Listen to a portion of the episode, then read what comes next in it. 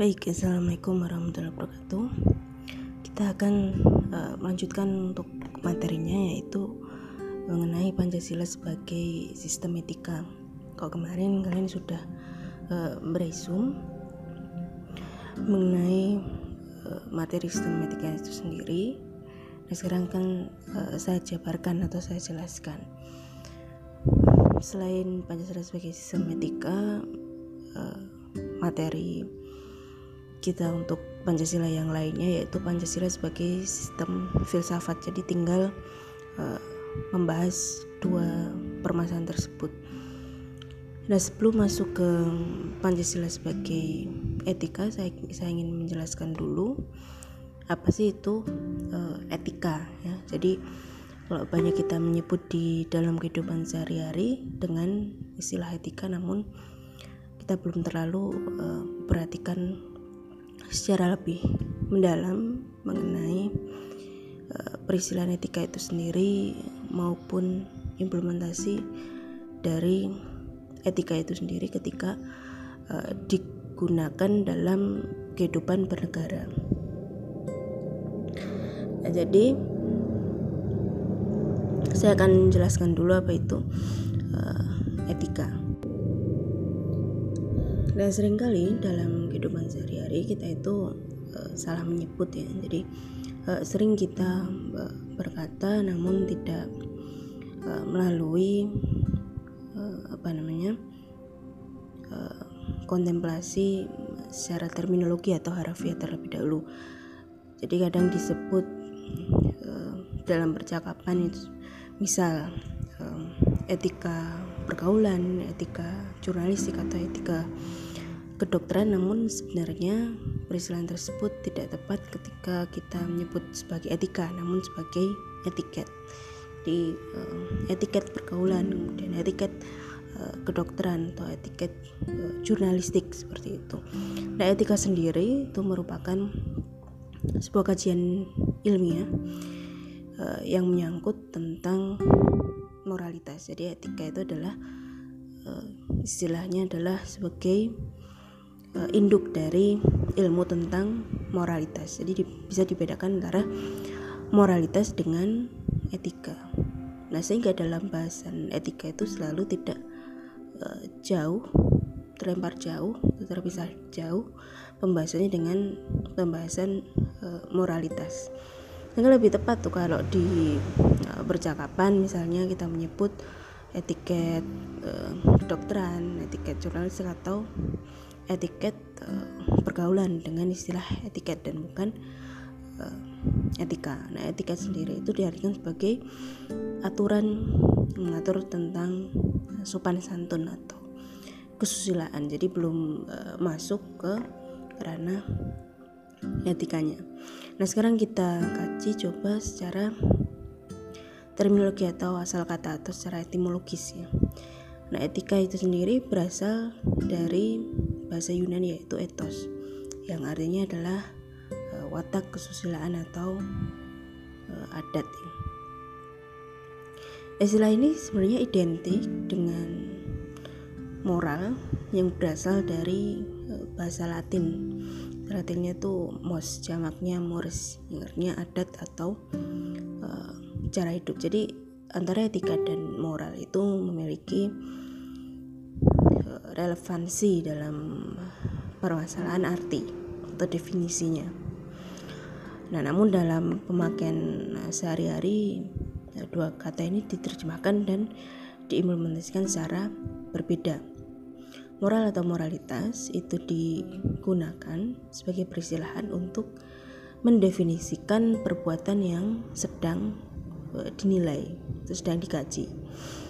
Nah, sedangkan etika itu digunakan untuk mengkaji sistem nilai yang ada. Jadi etika ini uh, kata lainnya adalah induk dari ilmu moralitas itu sendiri atau moral.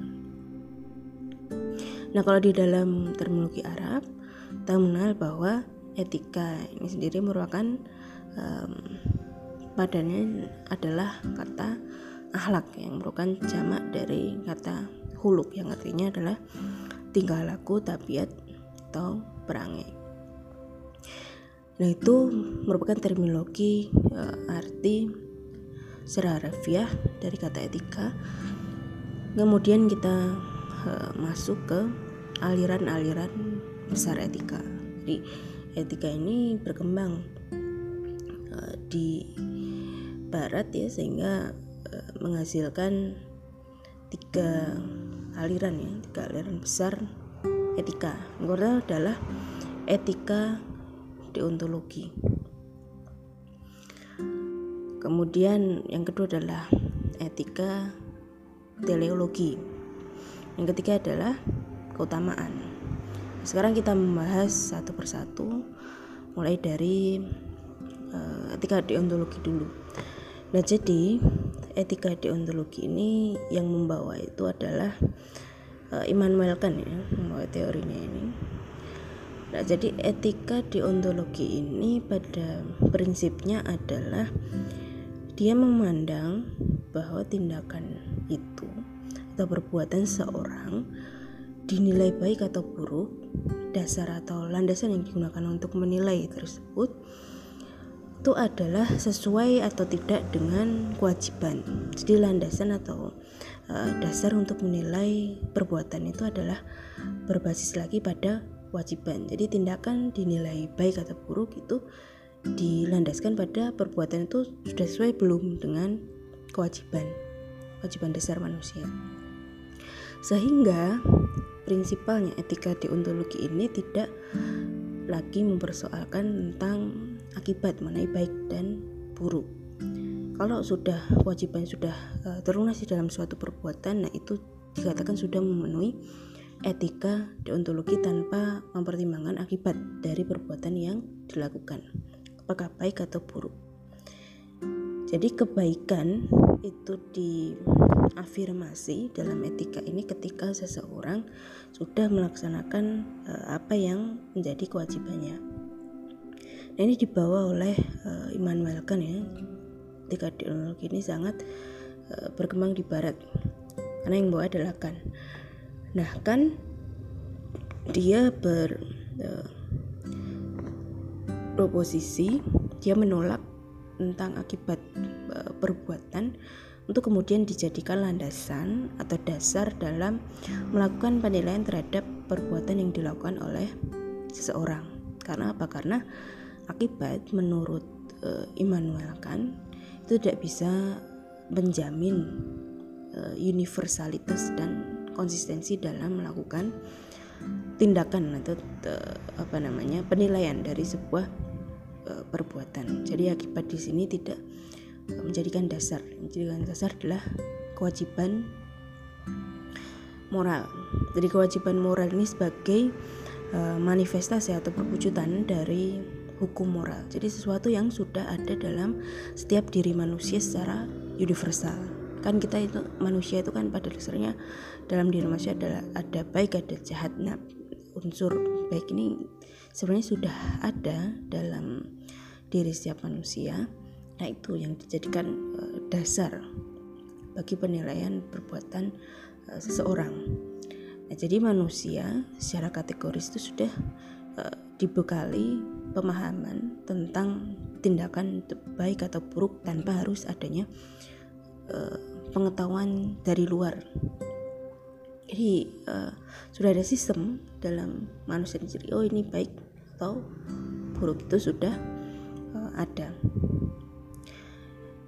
dan keharusan untuk kemudian uh, mengimplementasikan atau melakukan kebaikan dan tidak melakukan hal yang buruk atau perbuatan yang buruk itu harus dilakukan atau dilaksanakan sebagai perintah tanpa syarat atau imperatif kategoris bahasanya jadi harus dilaksanakan itu bukan uh, dalam maksud di balik perbuatan yang dia lakukan itu ada eh, intensi-intensi uh, yang lain. Jadi harus dilakukan sebagai perintah tanpa syarat. Nah, itu ketika memenuhi unsur-unsur tersebut maka dikatakan bahwa perbuatan seorang tersebut sudah sesuai dengan etika deontologi. Nah, jadi eh, kewajiban moral ini sangat penting. Misalnya uh, dalam uh, tindak pidana korupsi misalnya jadi sudah ada sistem dalam manusia sendiri untuk kemudian tidak melakukan korupsi sebagai perbuatan tanpa syarat yang harus uh, dilakukan oleh setiap orang.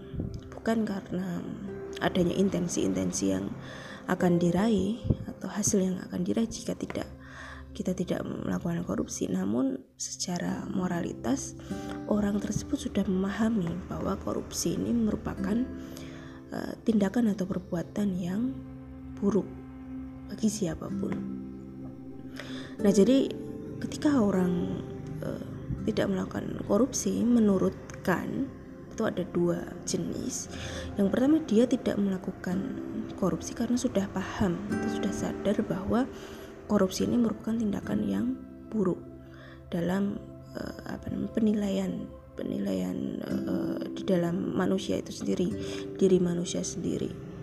Nah yang kedua dia tidak melakukan korupsi karena ada intensi tertentu. Misalnya karena um, dia sebagai apa namanya sebagai atasan yang harus memberikan contoh yang baik bagi bawahnya uh, sehingga dia berintensi kemudian untuk tidak melakukan korupsi agar dapat dipilih uh, kembali. Misalnya dalam hal ini pejabat publik atau kepala daerah misalnya jadi harus dilepaskan dengan intensi-intensi tertentu. Jadi ada dua kategori perbuatan ini yang memenuhi uh, kriteria etika deontologi menurutkan itu adalah jenis perbuatan yang pertama tadi. Ketika perbuatan atau tindakan seseorang itu kemudian didasari hanya oleh motivasi dan kemauan baik dari dalam diri tanpa mengharapkan pamrih apa pun dari tindakan yang dilakukan. Nah, itu baru sesuai dengan etika deontologi. Nah, jadi ukuran kebaikan dalam etika deontologi ini adalah kewajiban, kemudian kemauan baik, kemudian eh, kerja keras dan otonomi bebas. Jadi eh, setiap tindakan itu dikatakan baik menurut Kant atau menurut etika deontologi ketika sudah didasari berdasarkan kewajiban moral atau demi kewajiban moral itu sendiri. Sehingga tindakan itu baik itu bila didasari oleh kemauan baik itu sendiri dan kerja keras. Sehingga dilaksanakan perbuatan tersebut menurut otonomi bebas. Yang dimiliki manusia itu sendiri bukan karena adanya paksaan atau intensi-intensi tertentu. Sebagai dasar dia melakukan perbuatan itu. Nah, sebagai contoh, kalau um, misalnya perintah jangan mencuri. Nah uh, kehendak baik atau kemauan baik yang diharapkan dari perintah jangan mencuri itu tidak kemudian berpegangan atau bergantung pada hasil yang akan dicapai. Tapi memang perintah jangan mencuri itu harus dilakukan karena memang kewajiban manusia itu tidak boleh mencuri seperti itu. Jadi perintah misalnya perintah jangan mencuri tadi sebagai contoh itu mengikat semua orang karena sifatnya adalah universal. Jadi unsur a priorinya itu merupakan kehendak baik yang ada dalam perintah tersebut. Jadi kehendak baik yang ada dalam perintah tersebut bukan dari hasil tindakan jangan mencuri itu baik atau intensi yang dilakukan Eh, ketika dia tidak mencuri namun memang karena hakikat yang sudah ada dalam eh, sistem manusia atau diri manusia mengenai atau eh, apa namanya ketika menilai perbuatan jangan mencuri itu sudah memang benar-benar baik dan menjadi kewajib kewajiban moral manusia. Oleh sebab itu, melakukan perbuatan yang demikian itu merupakan keharusan objektif yang muncul sebagai perintah budi. Sedangkan rumusan perintah itu disebut imperatif. Jadi imperatif sebagaimana contoh di atas itu sebagai imperatif kategoris. atau kategoris imperatif berdasarkan istilahnya Immanuel Kant. Nah selanjutnya karena apa yang saya jelaskan tadi itu membuat Kant kemudian e, melakukan pembedaan antara tindakan yang sesuai dengan kewajiban dan tindakan yang dilakukan demi kewajiban. Seperti yang saya contohkan tadi, dalam menilai perbuatan baik yang dilakukan oleh seseorang itu ada dua jenis. Yang pertama, dia melakukan karena memang sadar bahwa dia berkewajiban untuk itu. Yang kedua adalah dia melakukan perbuatan baik itu karena ada intensi atau dilakukan demi uh, kewajiban itu tadi. Nah, kita coba yang analisis yang pertama tindakan pertama oleh Kant itu disebut dengan legalitas jadi tindakan uh, yang dilakukan uh, demi kewajiban itu adalah uh, legalitas. Sedangkan tindakan kedua disebut sebagai moralitas. Nah legalitas ini dipahami sebagai kesesuaian uh, antara suatu tindakan dengan uh, norma hukum atau lahiriah belaka. Nah, jadi yang saya maksud adalah ketika tindakan itu dilakukan sesuai dengan kewajiban dan bukan demi kewajiban, nah itu masuk pada legalitas. Sedangkan jika suatu tindakan dilakukan demi kewajiban itu masuknya dalam rangka ranah moralitas. Seperti yang saya contohkan ada dua jenis tadi. Yang pertama itu adalah jenisnya dalam moralitas kemudian yang kedua adalah dalam masuk dalam ranah legalitas jadi uh, jika perbuatan baik itu dilakukan karena memang sesuai dengan uh, aturan hukum yang ada Nah, beda lagi kalau moralitas itu adalah kesesuaian uh, sikap dan perbuatan dengan norma moral atau batiniah dipandang sebagai kewajiban. Jadi kan itu membedakan antara tindakan yang sesuai dengan kewajiban dan tindakan yang dilakukan demi kewajiban. Jika yang pertama ini tadi tindakan yang sesuai dengan kewajiban atau disebut sebagai uh, legalitas ya Nah, tindakan yang dilakukan demi kewajiban disebut dengan moralitas.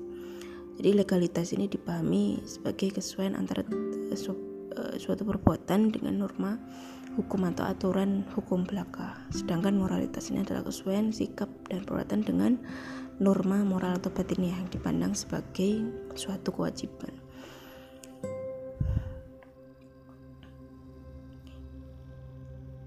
Nah, jadi um, pada legalitas kan kemudian memandang bahwa suatu tindakan yang uh, belum memiliki dikatakan belum memiliki nilai moral karena hanya atau baru memenuhi standar norma hukumnya saja belum memenuhi norma moral jadi suatu tindakan yang masih memenuhi atau hanya sebatas memenuhi norma hukumnya saja itu belum dikatakan perbuatan tersebut memiliki nilai moralitas. Nah, itu e, prinsip yang utama dalam e, etika kan ya. Jadi perbuatan tersebut hanya memenuhi e, aspek legalitasnya saja.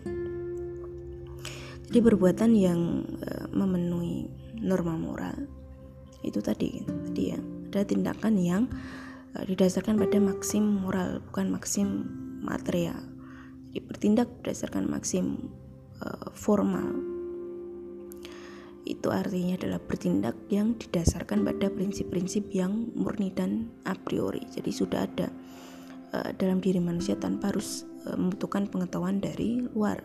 Yang saya jelaskan tadi mengenai perbuatan baik dan buruk. Disebabkan karena tidak memuat aturan empirik material dan karena sifatnya mutlak secara universal. Nah, ini berbeda dengan tindakan yang didasarkan pada maksim material yaitu tindakan yang dilakukan hanya berdasarkan subjektivitas dalam mencapai tujuan tertentu. Nah, sehingga ada distingsi antara legalitas dan moralitas. Kemudian menuju pada definisi atau pengertian bahwa suatu tindakan itu bisa jadi dia dikatakan memenuhi asas legalitas tapi belum tentu memenuhi asas moralitasnya contohnya sebagai contoh bila uh, ada orang miskin ya kemudian kita memberikan uang pada orang itu karena merasa kasihan atau memiliki intensi. Uh, pasca kita memberi pengemis tersebut kemudian kita bisa disanjung sebagai seorang dermawan atau orang yang apa namanya orang yang uh, memiliki intensi dapat disebut sebagai orang yang pengasih ya misalnya terhadap orang-orang kecil atau orang-orang miskin. Nah, tindakan demikian itu hanya sekedar memenuhi asas legalitasnya saja dan belum memenuhi asas moralitas meskipun tindakan tersebut sudah baik dan terpuji namun tidak e, bernilai moral karena tindakan tersebut memuat adanya motif, intensi, tujuan dan pamrih-pamrih yang lainnya. Nah, sebagai contoh dalam uh, kehidupan bernegara ya, misalnya uh, saya ambilkan contoh seorang uh, manusia yang memiliki profesi sebagai uh, advokat. Advokat ini dia memiliki kasus ya memiliki kasus bahwa si A ini ya sebenarnya dalam kronologi faktanya dia bersalah nah tetapi karena dibayar dengan eh, banyak uang ya ke kemudian uh, yang kliennya ini karena sudah membayar banyak dia minta agar uh, kasusnya ini di ditutupi dengan aturan-aturan hukum yang dapat meringankan. Nah, kalau e, berdasarkan etika kan tadi, ketika e, si advokat ini kemudian membeli, membela kliennya ini tanpa harus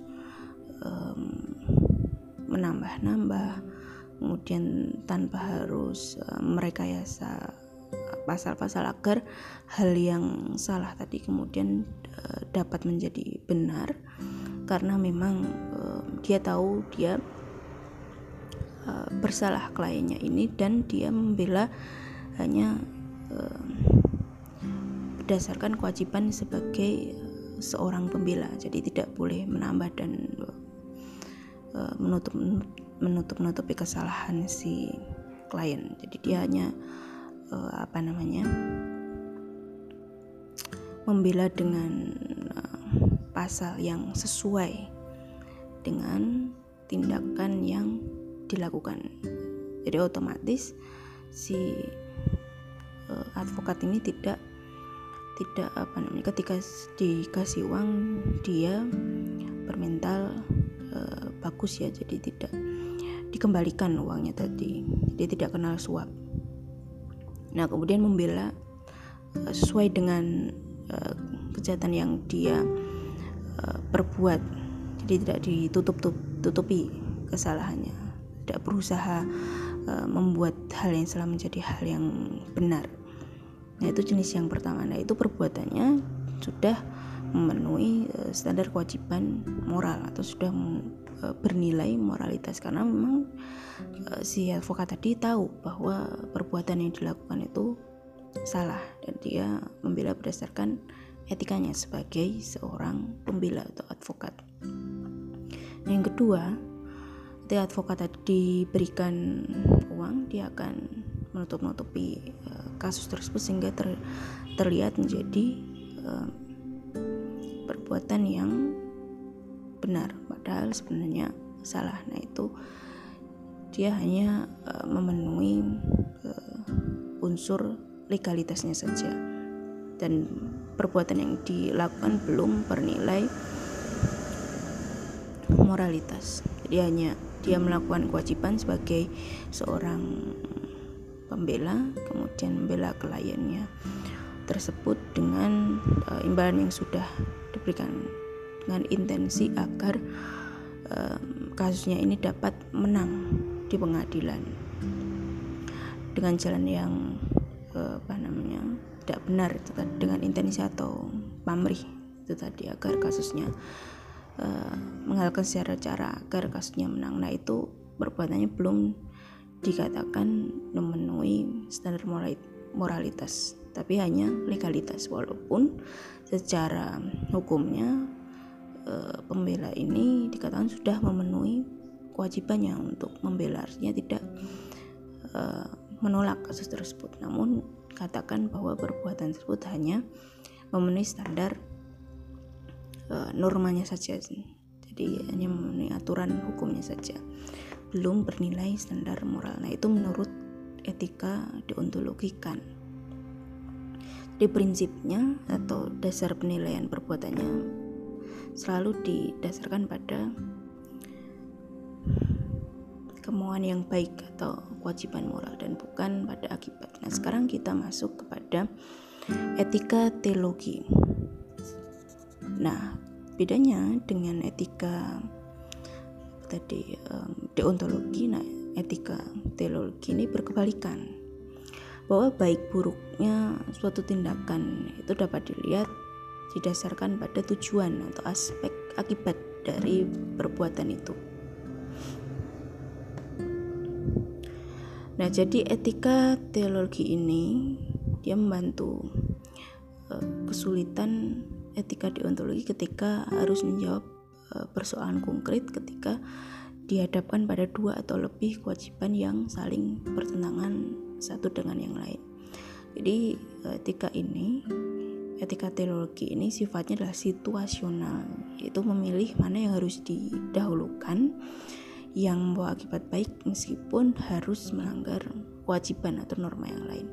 Misalnya dalam kasus terjadi eh, bencana, nah itu kan situasinya sedikit chaos. Nah, dalam keadaan seperti itu, maka memenuhi kewajiban itu menjadi sulit untuk dilakukan. Contoh sederhana ketika um, kewajiban uh, menggunakan helm bagi pengendara motor itu contoh yang lain ya tidak dapat dipenuhi karena uh, lebih fokus pada tujuan yaitu uh, mencari uh, keselamatan. Nah, jadi etika ini itu berusaha menjawab uh, apa namanya pilihan perbuatan yang ada pada situasi yang sifatnya situasional. Jadi ketika ada banjir tadi, ternyata dia pada waktu itu eh, mempunyai hutang misalnya pada temannya.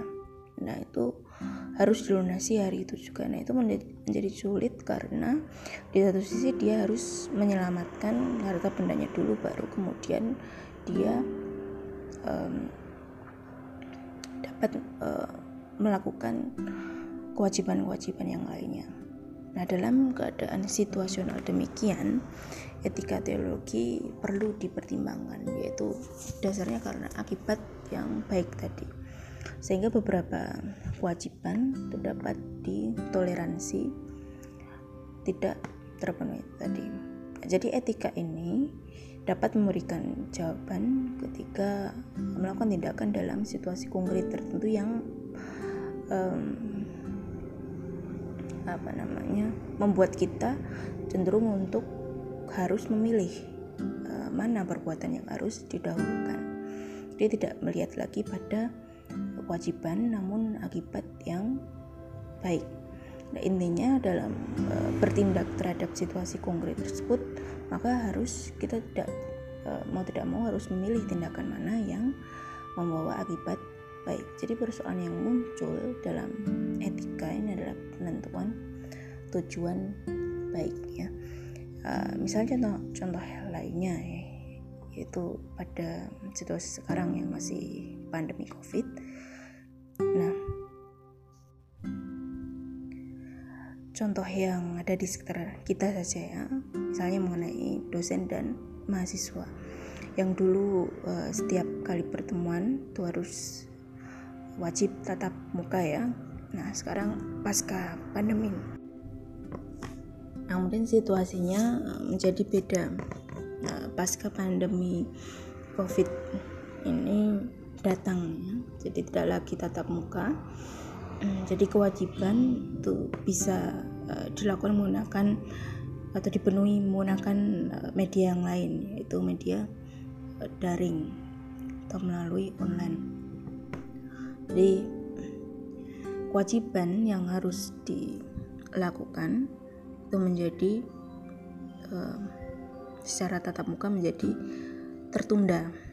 Karena apa? Karena uh, baik masyarakat dosen dan mahasiswa harus uh, mengutamakan kesehatan dulu. Jadi memang harus memilih.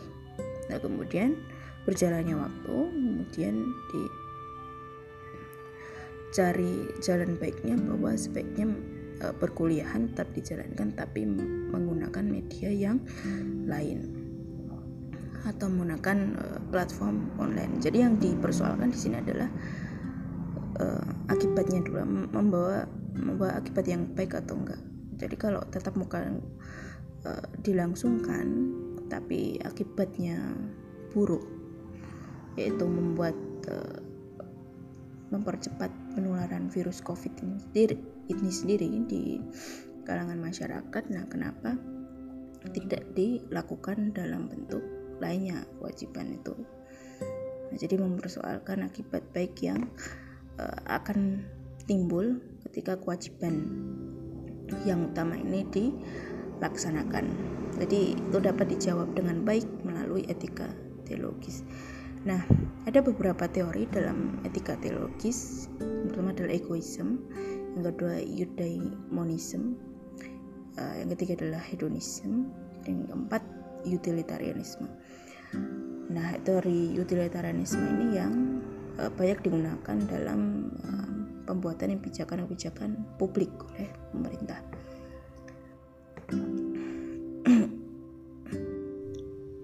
Nah, nanti kita hanya akan membahas sampai pada uh, etika utilitarianisme. Kemudian untuk etika keutamaan dan Pancasila sebagai etika kita uh, apa namanya buatkan uh, sebagai bahan untuk podcast selanjutnya.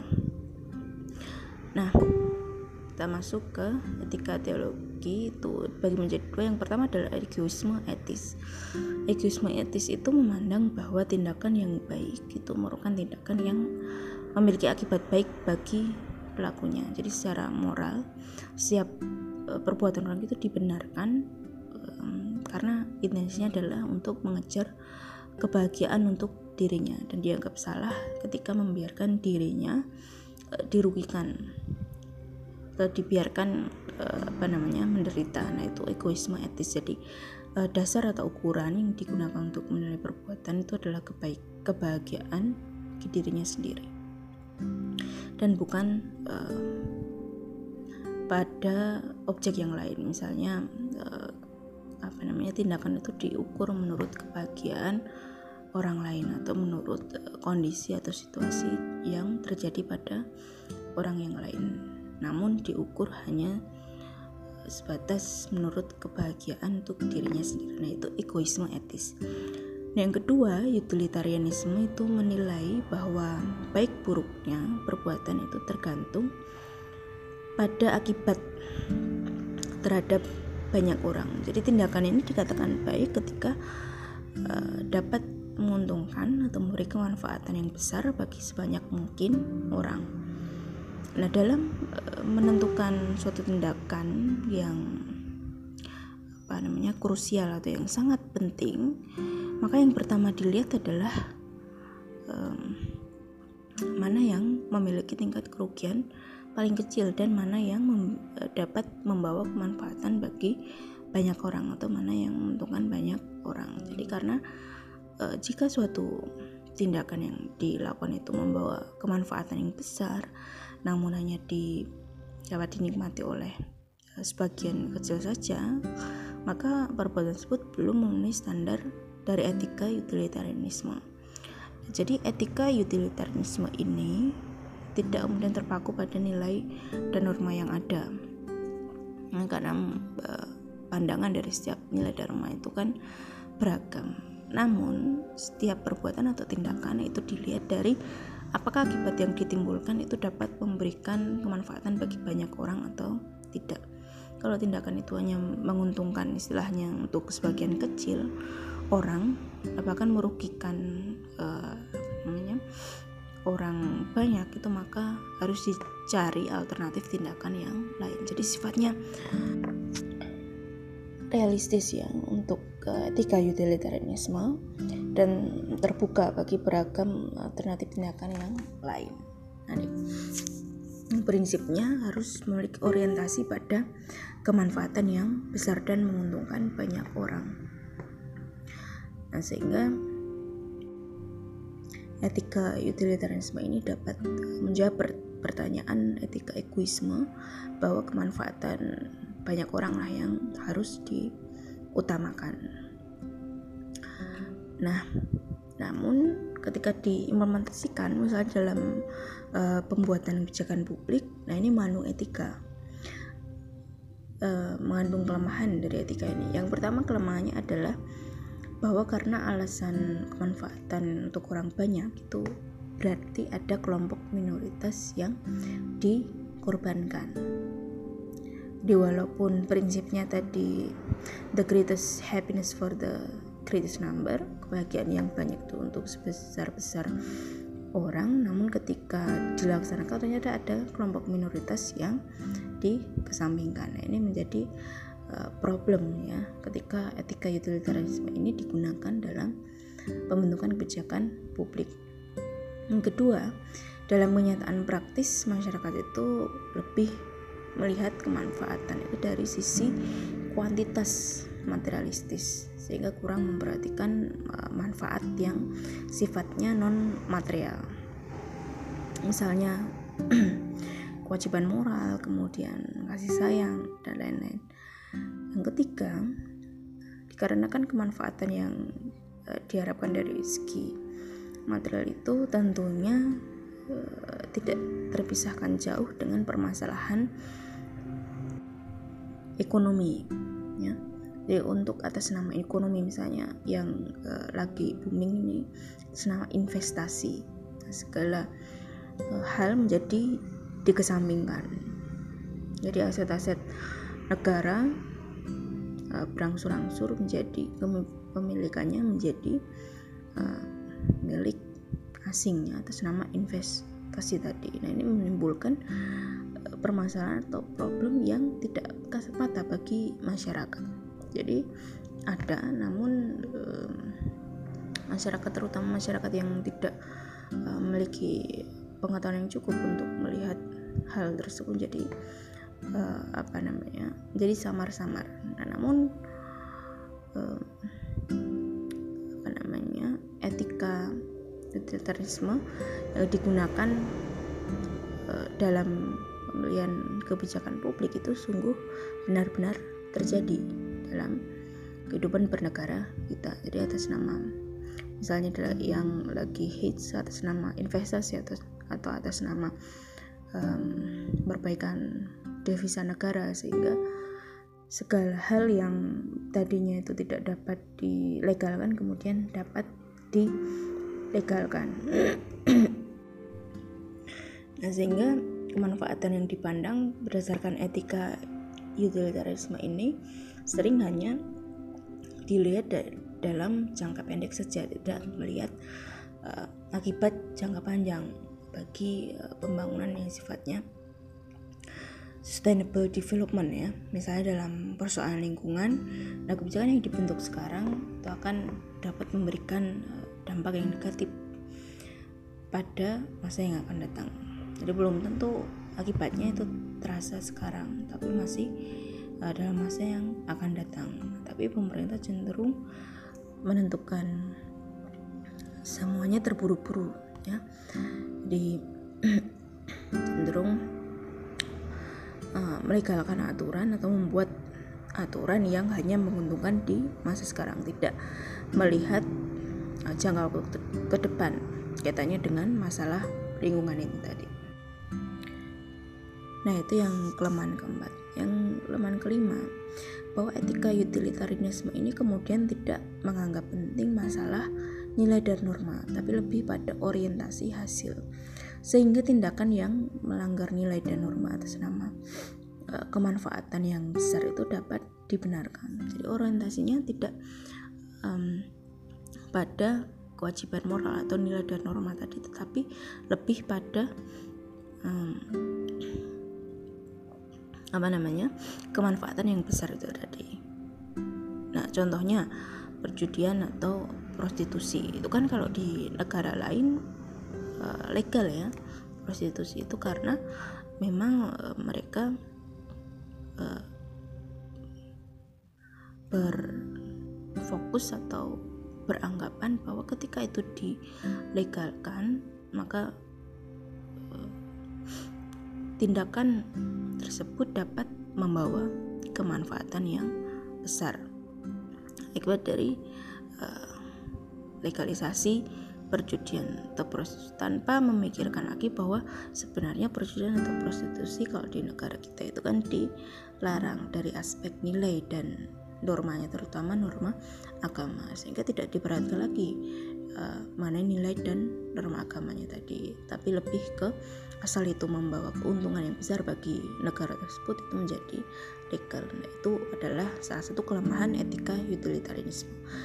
Yang selanjutnya, etika utilitarianisme ini mengalami kesulitan dalam menentukan mana yang lebih diutamakan kemanfaatan yang besar namun e, dirasakan oleh sedikit masyarakat atau kemanfaatan yang lebih banyak dirasakan banyak orang meskipun kemanfaatannya kecil. Jadi e, problem ya problem itu e, di satu sisi kemanfaatan itu besar namun yang menikmati hanya segelintir orang Eh, dibandingkan kemanfaatan yang eh, dapat dirasakan oleh banyak orang meskipun eh, hmm, kemanfaatannya kecil dalam hal aspek ekonomi itu tadi.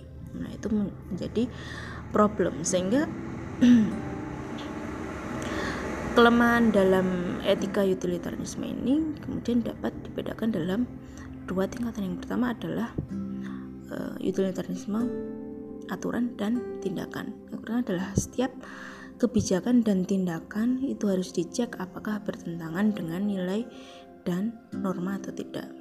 Jika bertentangan, maka kebijakan atau tindakan tersebut harus ditolak meskipun membawa kemanfaatan yang besar. Saya contohkan tadi mengenai permasalahan prostitusi atau perjudian. Jadi harus ditolak meskipun keuntungan yang didapat dari hasil legalisasi uh, apa namanya prostitusi itu cenderung membawa keuntungan yang besar bagi negara jadi uh, dapat di apa namanya gapnya dapat diisi uh, dengan uh, penyelesaian seperti itu. Itu yang pertama.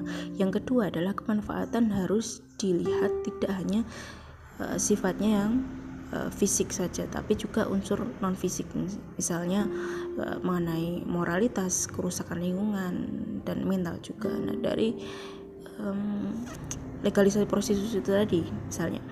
Itu sehingga tidak hanya dilihat dari keuntungannya saja yang besar bagi negara tapi juga dilihat dari aspek moralitasnya jadi uh, akan ke arah mana generasi itu ketika moralitasnya sudah dipertanyakan atau sudah uh, memiliki moralitas yang buruk di tengah masyarakat sehingga itu yang harus uh, dipahami bersama aspek-aspek non fisik. Yang ketiga adalah terkait dengan masyarakat yang dirugikan itu perlu uh, pendekatan personal atau kompensasi yang memadai dalam memperkecil kerugian baik itu material maupun non material. Jadi misalnya uh, apa namanya? Contoh dalam uh, kebijakan publik misalnya pembangunan jalan tol.